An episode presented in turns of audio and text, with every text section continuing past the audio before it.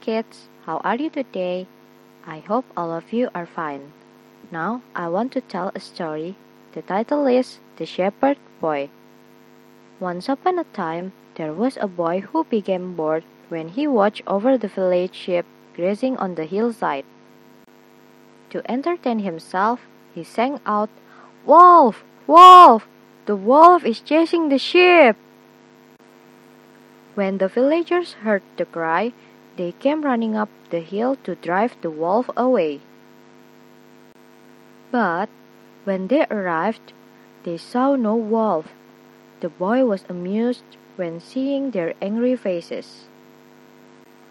Don't scream wolf, boy, when there is no wolf, warned the villagers. They angrily went back down the hill. Later, the shepherd boy cried out once again, Wolf! Wolf! The wolf is chasing the sheep!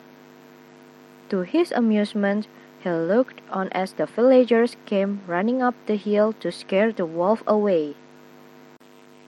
As they saw there was no wolf, they said strictly, Save your frightened cry for when there really is a wolf. Don't cry wolf when there is no wolf. But the boy grinned at their words while they walked grumbling down the hill once more. Later, the boy saw a real wolf sneaking around his flock.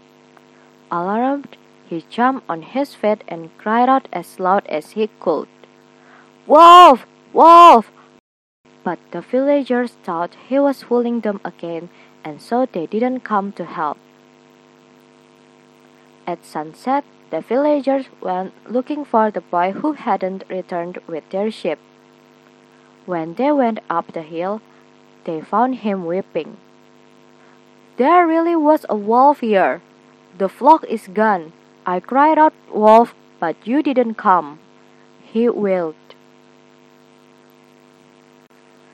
An old man went to comfort the boy. As he put his arm around him, he said, Nobody believes a liar, even when he is telling the truth. The end. The moral value of this story is lying breaks trust. Even if you are telling the truth, no one believes a liar.